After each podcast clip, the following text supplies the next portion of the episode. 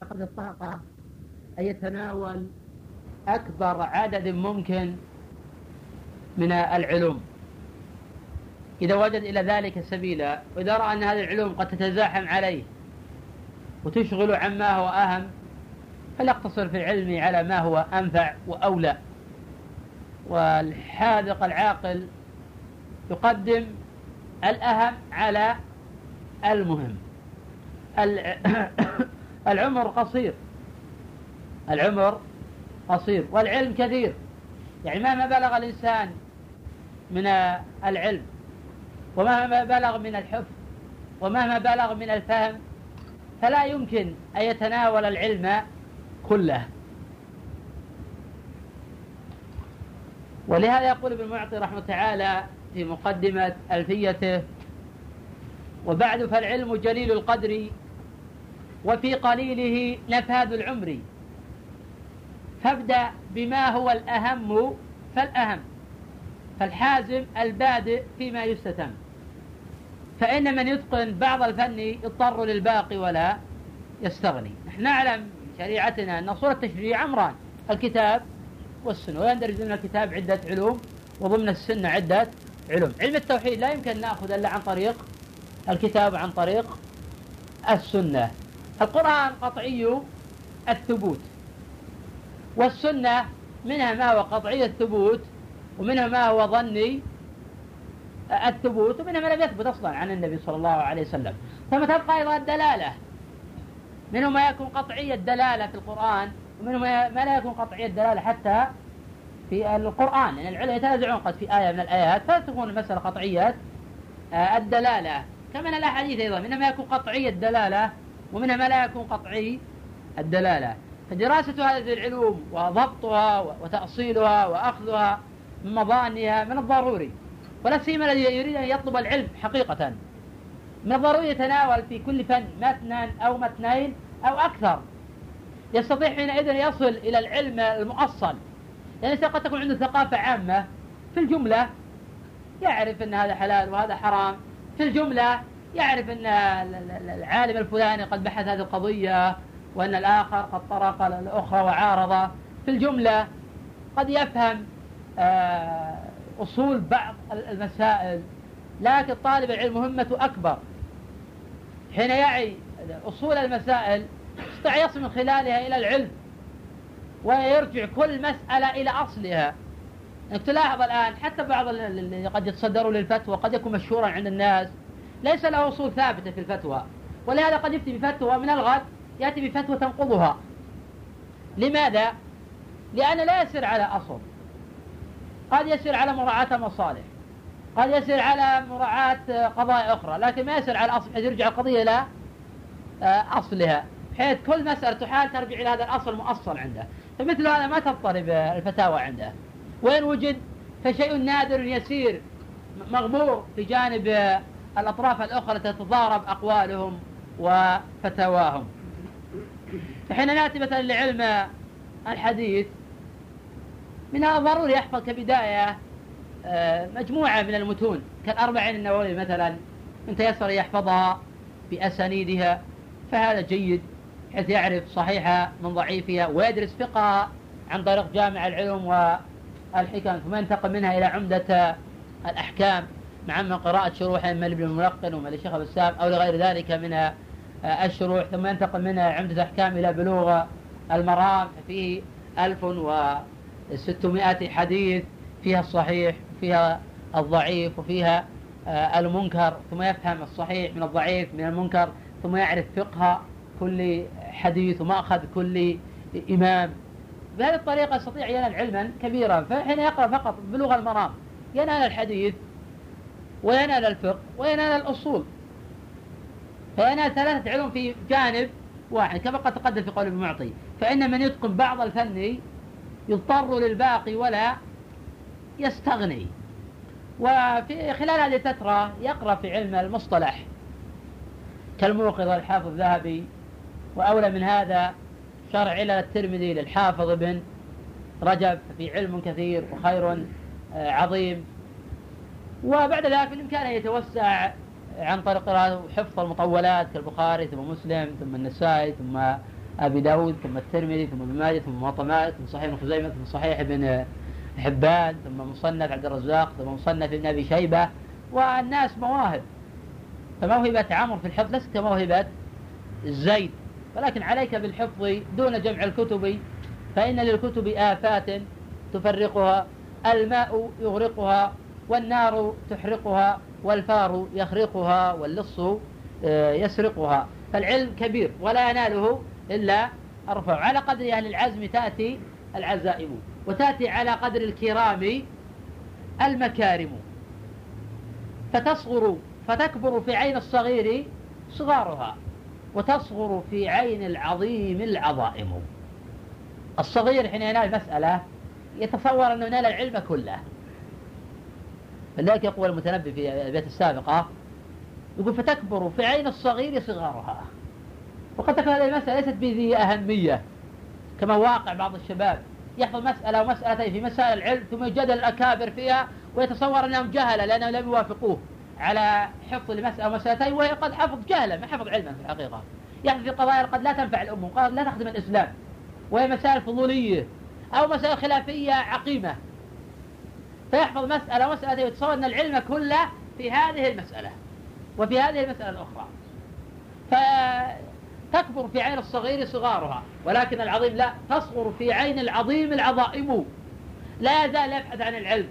ولهذا الإمام أحمد رحمه تعالى يقول من المحبرة للمقبرة ومن المهد للحم يعرف قدر العلم يعرف أهمية العلم يعرف أنه مهما بذل للعلم كما قال الزهري العلم حين تعطيه كلك يعطيك بعضه. فكيف إذا أعطيناه البعض أو بعض البعض؟ فإن لا ننال منه إلا نزرا يسيرا. وفوق كل هذا أن يعرف الإنسان قدر نفسه. أن مهما نال من العلم ومهما حفظ ومهما اطلع ومهما فهم فإنه لا يزال باحثا عن الأهم ولا يزال باحثا عن الإخلاص ولا يزال باحثا عن ما يقرب إلى الله جل وعلا. ليس العلم بمجرد حفظ الخلافات الفقهية إنما العلم في يقع في القلب. والعلم يدخل قلب كل موفق من غير بواب ولا استداني ويرده المحروم خذلاني لسقنا اللهم بحرماني فالعلم مهما ناله الإنسان يحتاج إلى تقوى وورع فما ما يعني آه فهم وحفظ ما دام لم يعمل لم ينتفع. كشجر بلا ثمر هل ننتفع به؟ لا ننتفع به. ولا يكون وبالا على صاحبه يكون بمثل اللمبة. تضيء لغيرها تحرق نفسها. فضروري يخلص لله وأن يعمل. وحتى أيضا ينتفع بعلمه على أكبر قدر ممكن. حين يتناول علما آخر كعلم الفقه.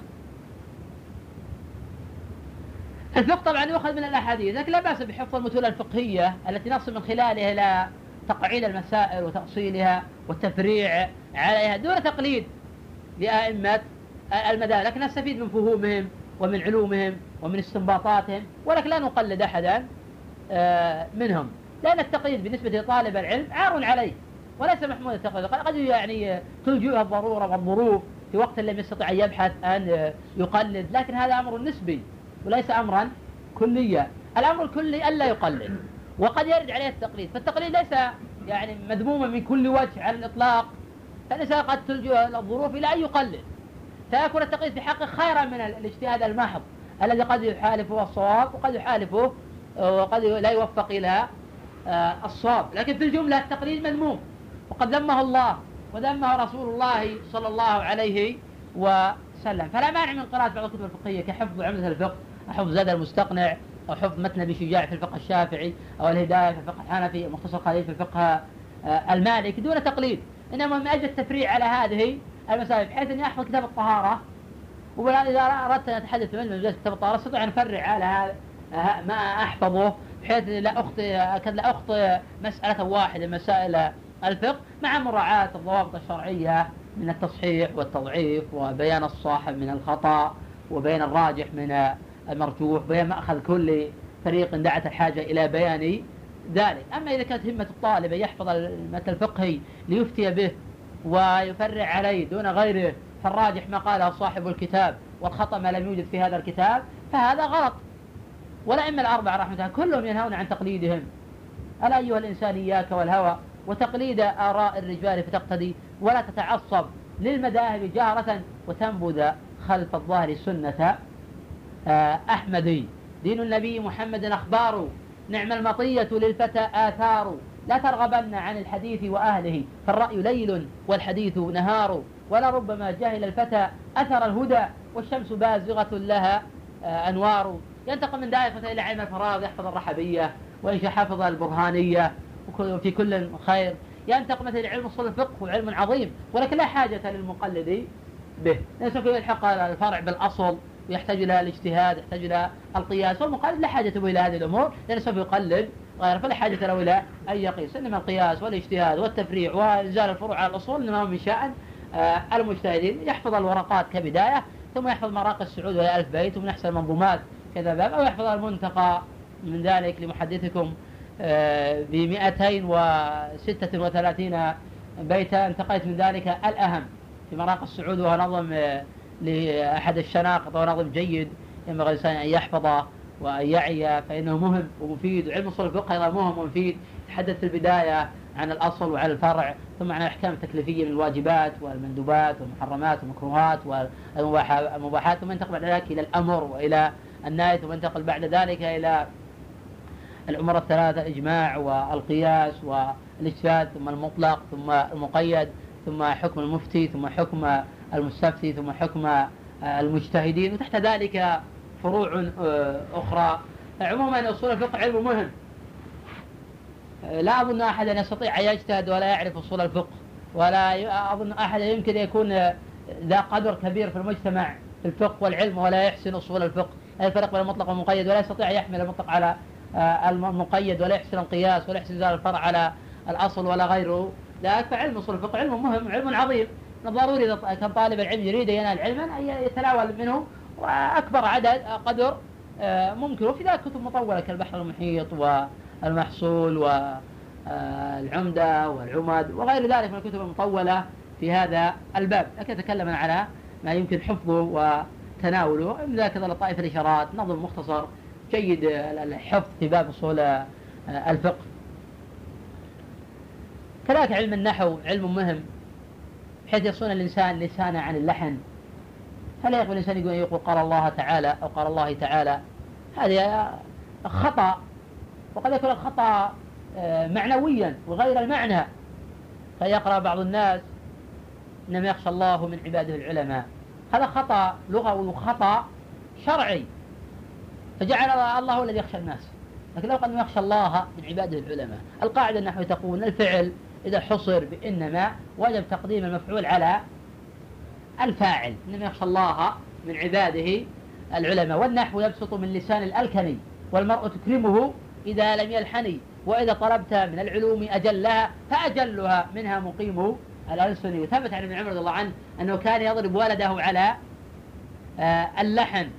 فيتناول الآجرومية يحفظها ولها شروح متعددة. حاشية ابن قاسم على الأجرومية حاشية جيدة. شرح الكفراوي على الأجرومية شرح جيد. شرح آه، محي الدين عبد الحميد شرح آه، جيد. وشروح على الأجرومية كثيرة. جدا بإمكان أن يقرأ إنسان بعض الشروح وينظر أنسبها إلى فهمه وعقليته فيركز على ذلك ويحفظ الأجرومية ويقرأ شروحها. ينتقل بعد إلى قطر الندى أو إلى ملحات الإعراب ثم إلى ألفية بن مالك رحم الله. آه، الجميع. في علم الاعتقاد وقد تقدم أنه يؤخذ عن الكتاب وعن السنة. الكتاب هو الأصل الأول والسنة هي الأصل الثاني. ويراعي ظروف الزمن. نحن في زمن الغربة في زمن الجهل في زمن الإعراض عما جاءت به الرسل. من الضروري يكون تركيزنا على باب الاعتقاد ولا سيما توحيد الإلهية وتوحيد الأسماء والصفات. فنحن نرى الآن كثرة الأشاعرة الجهمية نحاربهم توحيد الأسماء والصفات. نرى كثرة الانحرافات في الاعتقاد في صرف الحكم لغير الله في عبادة غير الله في الطواف حول القبور. الآن حديث الساحة ما وقع الآن في حكومة طالبان لتكسر الأصنام وهدمها ومع ذلك يوجد من يعارض من بعض المحسوبين على العلم يعارض تحطيم الأصنام. لو كان مثل هذا يعقل ما جاءت به الرسل ما عارض ولا انتدب للمعارضة والحديث في صحيح مسلم. من حديث يحيى بن كثير عن شداء وابن عمار. عن أبي أمامة عن عمرو بن عبسة. حين سأل النبي صلى الله عليه وسلم قال ما أنت؟ قال أنا نبي. قال ما وما نبي. قال أرسلنا قال أي شيء أرسلك قال أرسلنا بصلة الأرحام وكسر الأوثان. هكذا بهذا أرسلت الرسل. وفي من أجل هذا أنزلت الكتب وشرعت الشرائع لتحطيم الأوثان وكسرها. سواء كانت معبودة أو غير معبودة. ولو لم تكن الأصنام موجودة في أفغانستان معبودة ما تجرأ أعداء الله إلى تمزيق المصاحف حين حرقت وحطمت آلهتهم. التي يعبدون من دون الله. فهذا بالهدم أولى من اللات وأولى من العزى. وقد أجمع المسلمون على وجوب هدم الأصنام تحطيمها ودعوى أن الصحابة عاينوا هذه الأصنام ولم ينكروها دعوة باطلة. ولا يصح من ذلك شيء ولا يمكن إقرار هذا. ومعاذ الله أن يكون أصحاب الرسول صلى الله عليه وسلم الذين هم أعلم الناس بمراده وأقوم الناس بالأمر وبالنهي يسكتون عن هذه الأصنام. وعلي رضي الله عنه بعثه النبي صلى الله عليه وسلم إلى المدينة لا تدع تمثالا إلا طمسته. ولا قبرا مشرفا إلا سويته. والحديث في صحيح مسلم. من حديث ابن الهياج الأسدي عن علي بن أبي طالب. حديث ابن مسعود في الصحيحين. حين دخل النبي صلى الله عليه وسلم مكة وحول الكعبة 360 صنما فجعل يطعنها بعود ويقول قل جاء الحق وزهق الباطل إن الباطل كان زهوقا. قل جاء الحق وما يبدئ الباطل وما يعيد. فللجانب بجوانب الاعتقاد بجوانب التوحيد نرى من يعارض في في هذه المسائل. ويفادي في إبقائه والحاذق الآن. من بعض المتحدثين يقول يبقى إبقاء تراثا. وهذا التراث يقره الإسلام. أو من شعائر أهل الجاهلية. من شعائر أهل الجاهلية. لا يبقى الإنسان قرطاسة تراثا لا قلنا هذا الجاهلي فكيف هو يبقي وثنا؟ يعارض ما جاءت به الرسل. يعارض ما جاءت به يقول يقطع رأسه ويبقى آه تراثا. هذا جهل عظيم. لو كان هؤلاء يعقلون التوحيد ويعرفون مسائل التوحيد ما عارض في مثل هذه القضايا. فأرى بداية يحفظ الأصول الثلاثة وأيضا المهم الفهم وليس قد يقرأ التوحيد ولا يفهم. ما, ما تغني الكتب عن صاحبها شيئا ولا يغني السماع عن صاحبه شيء أهم شيء أنه يفهم. ولكن باب النقاش مفتوح يناقش ويبحث ويستفصل. ليس ليس رسولا من رب العالمين إذا قال القول؟ خلاص يجب التسليم له. لا يناقش الإنسان ويبحث ونطيب نفسا بذلك أيضا. وحتى يكون الإنسان عنده قناعة. من المسائل العلمية الشرعية. أما كل الطالب يسمع ويخرج وخلاص هذا هو الدين وهذا هو الحق. لا ينبغي الإنسان أن يكون دينه مبني على الثبوت وعلى الثبات وعلى الحق وليس في هذا الوقت. وقت المجادلة ومماحلة وحتى النساء الآن تستفسر وش الدليل؟ كذا؟ إذا من الضروري الإنسان نفهم الدليل ونعي الدليل ونفتي عبر الدليل. ويسكن علينا شيئا نناقش. حتى نصل إلى النتيجة فنبلغها لغيرنا وهذا هو العلم. وهذا هو العلم. فيحفظ الرسول الثالث كبداية ويحفظ كتاب التوحيد ويحفظ كشف الشبهات في توحيد الأسماء والصفات يحفظ العقيدة الوسطية والفتوى الحموية لشيخ الإسلام ابن تيمية رحمه الله تعالى. المقصود أنه يتناول من كل فن متنا أو متنين والعلم يحتاج إلى تفريغ جهود تفريغ نفس وتفرغ وبذل. على قدر ما تعطيه يعطيك. فالعلم شريف ولا يمكن يناله إلا الشرفاء. فينبغي الإنسان يبذل جهده ويضاعف طاقته في نال العلم وفي تحصيل قل هل يستوي الذين يعلمون والذين لا يعلمون يرفع الله الذين من منكم والذين أوتوا العلم آه، درجات. على العلم نبكي قد اندرس العلم. ولم يبق فينا منه روح ولا جسم ولكن بقي رسم من العلم دارس وعم قليل سوف ينطمس الرسم. فآن لعين أن تسيل دموعها وآن لقلب أن يصدعه الهم فإن بفقد العلم شرا وفتنة وتضيع دين أمره واجب حتم وما سائر الأعمال إلا ضلالة إذا لم يكن للعاملين بها علم وما الناس دون العلم إلا بظلمة من الجهل لا مصباح فيها ولا نجم. هذا أوان القبض للعلم فلينح عليه الذي في الحب كان له سام فليس بمنقل العلم كثرة كتبه. فماذا تفيد الكتب؟ إن فقد الفهم وما قبضه إلا بموت وعاته فقبضه منقبض له وبهم ينمو والله أعلم.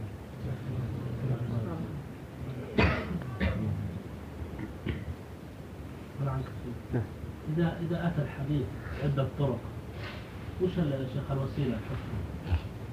الطريقة حفظ الحديث هذا أتى بعدة طرق إذا جاء الخبر من عدة طرق كان خبر ثابتا وأراد يحفظه يحفظ المتن والصحابي الحديث قد يدعى الحديث من عدة صحابة مثل أبي هريرة رواية أبي أمامة رواية أنس رواية ابن عمر أبي هريرة أبي مسعود إذا كان الخبر من رواية صحابي واحد وروى عن الصحابي مثلا أبو الزناد آه الأعرج وروى عن الأعرج أبو الزناد وروى عن أبي الزناد جمع غفير يحفظ ملتقى الطرق. يقول فلان وفلان وفلان وفلان وفلان من طريق أو من طرق عن أبي الزناد عن الأعرج عن أبي هريرة.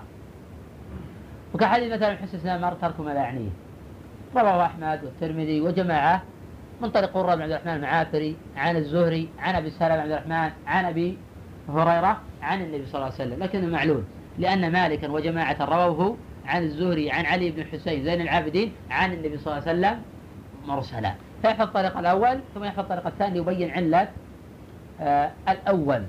وقد يأتي طريق محمد بن عمرو بن علقمة بن وقاص الليثي عن أبي سلمة بن عبد الرحمن عن أبي آه، هريرة. وقد يرد حديث طريق فليح بن سليمان عن هلال بن علي عن عطاء بن يسار عن أبي هريرة. وحين يحفظ هذه الطرق التي توصل إلى الصحابي. وقد يكون عن الحديث عن الصحابي رواه جمع. فحين تحفظ أصح الطرق وأنت يسأل تحفظ الطرق كلها هذا جيد. متى يسأل تحفظ طريقا ومن رواه من هذا الطريق. وتقول جاء مثلا عند الإمام أحمد وعند النسائي وعند أبي داود من طريق أخرى.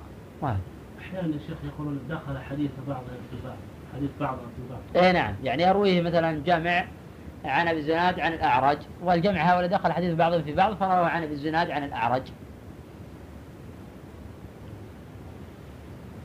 شيخ مجموعة يا شيخ كبير مسافر يا شيخ.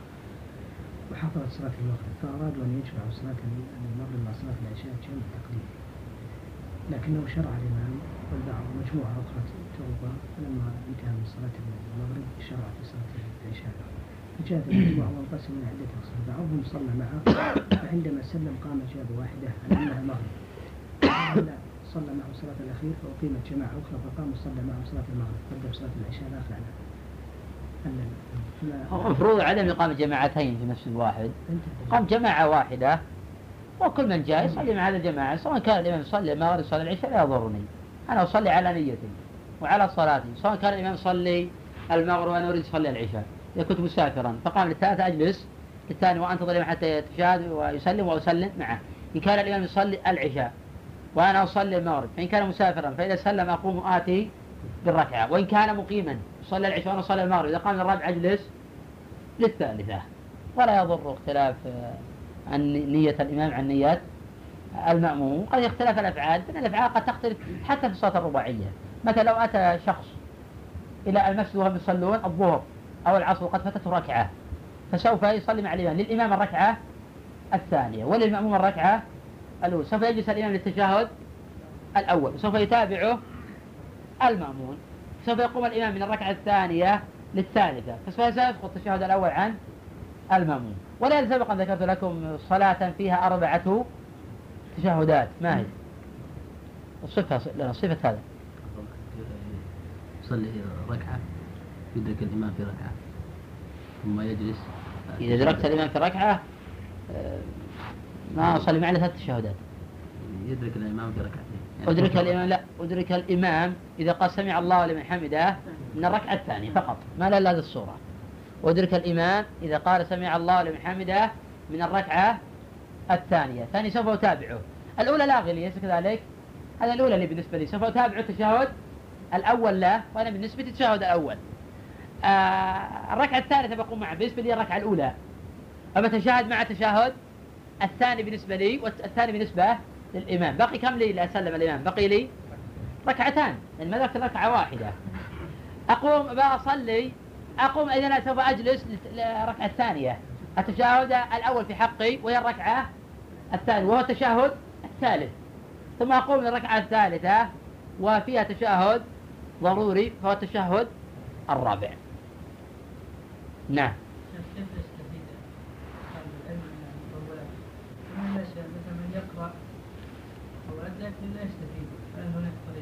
اي نعم في أشياء موانع من الاستفادة وفي أشياء إيجابيات في الاستفادة حين يجرد الإنسان مطولات ككتب شيخ الإسلام كالفتاوى مثلا والمنهاج أو كتب الحافظ ابن حجر كفتح الباري أو عمده القاري للعيني أو غير ذلك من الكتب النافعة آه، المفيدة فطريقة الاستفادة منها أن يدون ما يمر به من الفوائد إما على غلاف الكتاب في أول صفحة أو في دفتر خارجي وهذا أكثر فائدة وأكثر نفعا.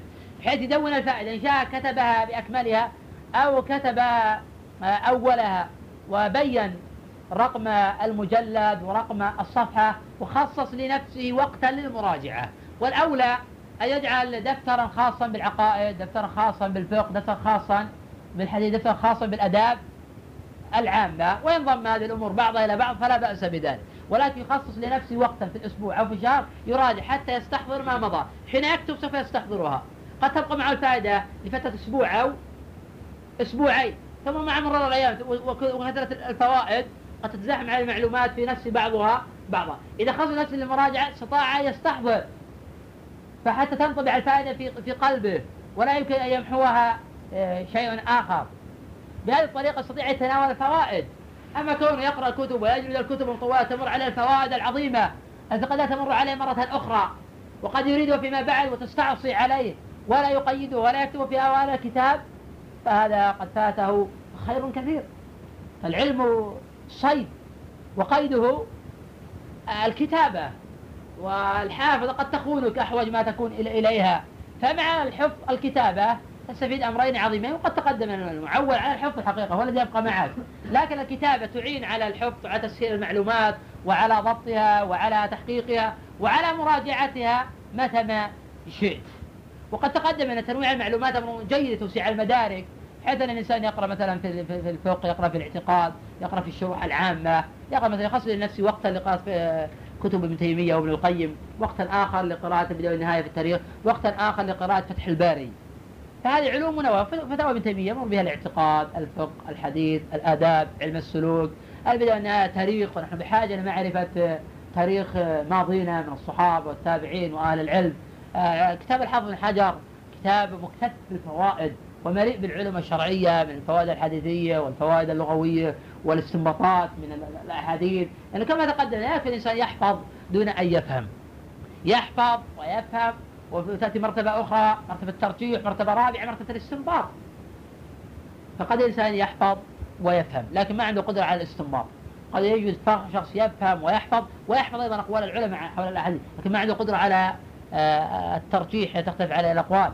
آه، المطالعة هذه تنمي المعلومات في الذهن وتقوي أيضا مدارك العبد. شيء آخر؟ نعم. نعم. مطبوع سبق أنه طبع نعم في عدة آه، صحف في عدة مجلات ومطبوع أشوف في كتاب المنظومات. في كتاب طبع في المنظومات لأحد الأخوة سيف الطلال بمجلد ضخم تقديم الشيخ عبد الله الجبرين وموجود النظم ضمن المنظومات هذه تتجاوز 46 منظومة من طوال المنظومات. ومجلد ضخم يتجاوز 800 ورقة. مطبوع في مكتبة الرشد. يمكن شراء هذا الكتاب وفي نفس نعم المنتقى المراقي السعود طبع. مع أنه سبق أنه طبع في عدة مجلات. نعم.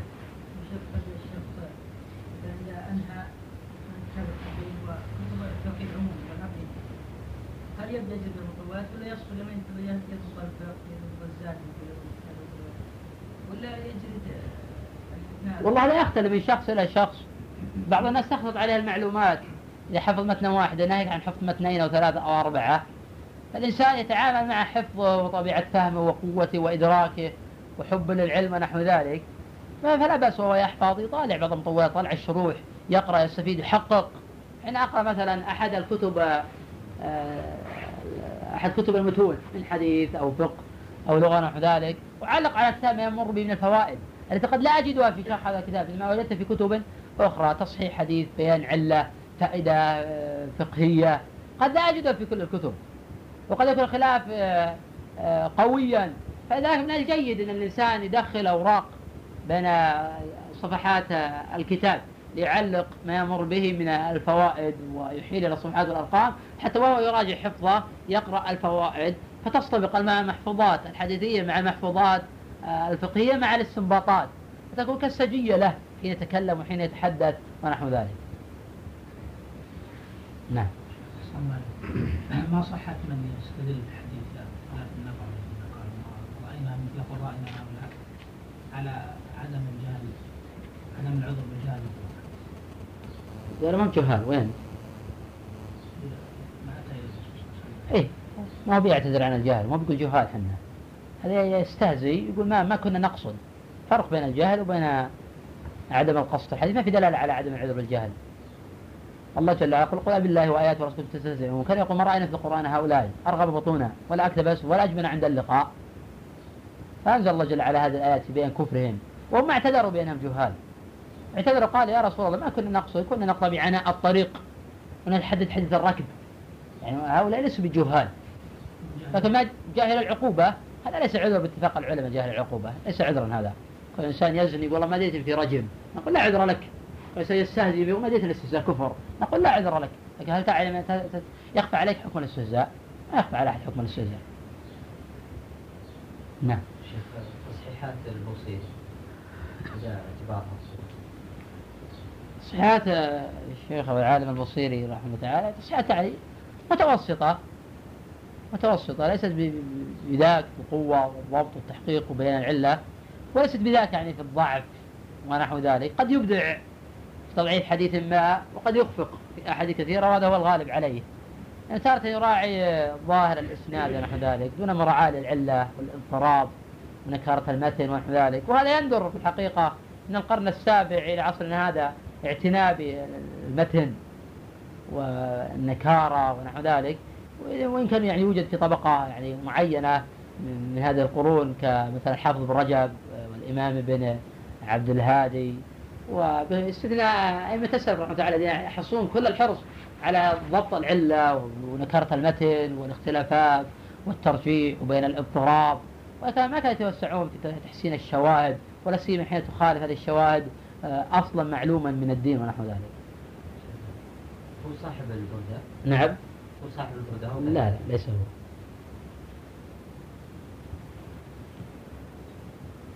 الله ليس الطريقة البحث أن واحد ما يدخل في مسألة غير مسألة. وهذا يختلف بشخص هذا طرق البحث. تختلف بشخص وعلى قدرة الشخص على بعض بعض الناس قد يستغرق آه، الليل كله في بحث مسألة واحدة. وبعض الناس يبحث ربع ساعة يقول والله تعبت. من اليوم أنا أبحث المسألة حتى وجدتها وما وجدت شيئا في الحقيقة. وجد آه، مجرد أن فلانا قال بهذا القول والآخر قال بهذا القول واقتصر على أحدهما فقال رجح فلان واقتصر على ترجيحه. البحث العميق الذي يقتضي أن الإنسان يجمع أقوال العلماء وينظر ما, أخذ كل عالم وينظر صحة كل دليل ويقارن في النهاية يستخلص نتيجة معينة.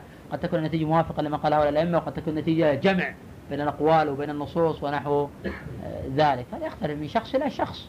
فالذي يرجح في مسألة خلافية من الضروري يجمع الأقوال والآراء ويلم بها ويعرف ما أخذ كل دليل ويعرف صحة الحديث أيضا. ويعرف صحته من ضعفه ونحو ذلك.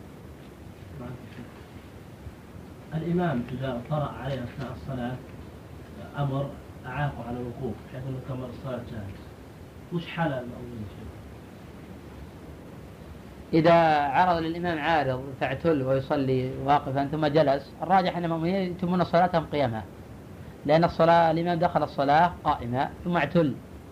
فحينئذ يجلس ويصلي جالس الإمام والمأموم يصلون قياما ولكن لو دخل الإمام الصلاة معتلا جالسا فإنهم يصلون جلوسا. كلمة خروجا من الخلاف من اللي يستطيع أن يقولها؟ متى يعني؟ يعني وضح أكثر؟ حينما يأتي خلاف العلماء يقال خروجا من الخلاف يؤخذ هذا الخروج. والله هذا يختلف خروج قضية خروج من الخلاف ليست هي أصل من أصول الدين وليست آه، مثل قاعدة من القواعد. في قاعدة عند الفقهاء اسمها الخروج من الخلاف. هذا ليست قاعدة إنما هذه يعني يلجأ إليها الشخص حين مثلا ما عنده مثلا قدرة مثلا على الترجيح بين مسألتين أو عنده قدرة ورجح قولا. ولكن القول الثاني إذا عمله قد أصاب مثلا بالاتفاق بخلاف هذا قول. فنأخذ من الخلاف مثلا تعمل بهذا وزكاة الحنة مثلا الخلاف فيها قوي.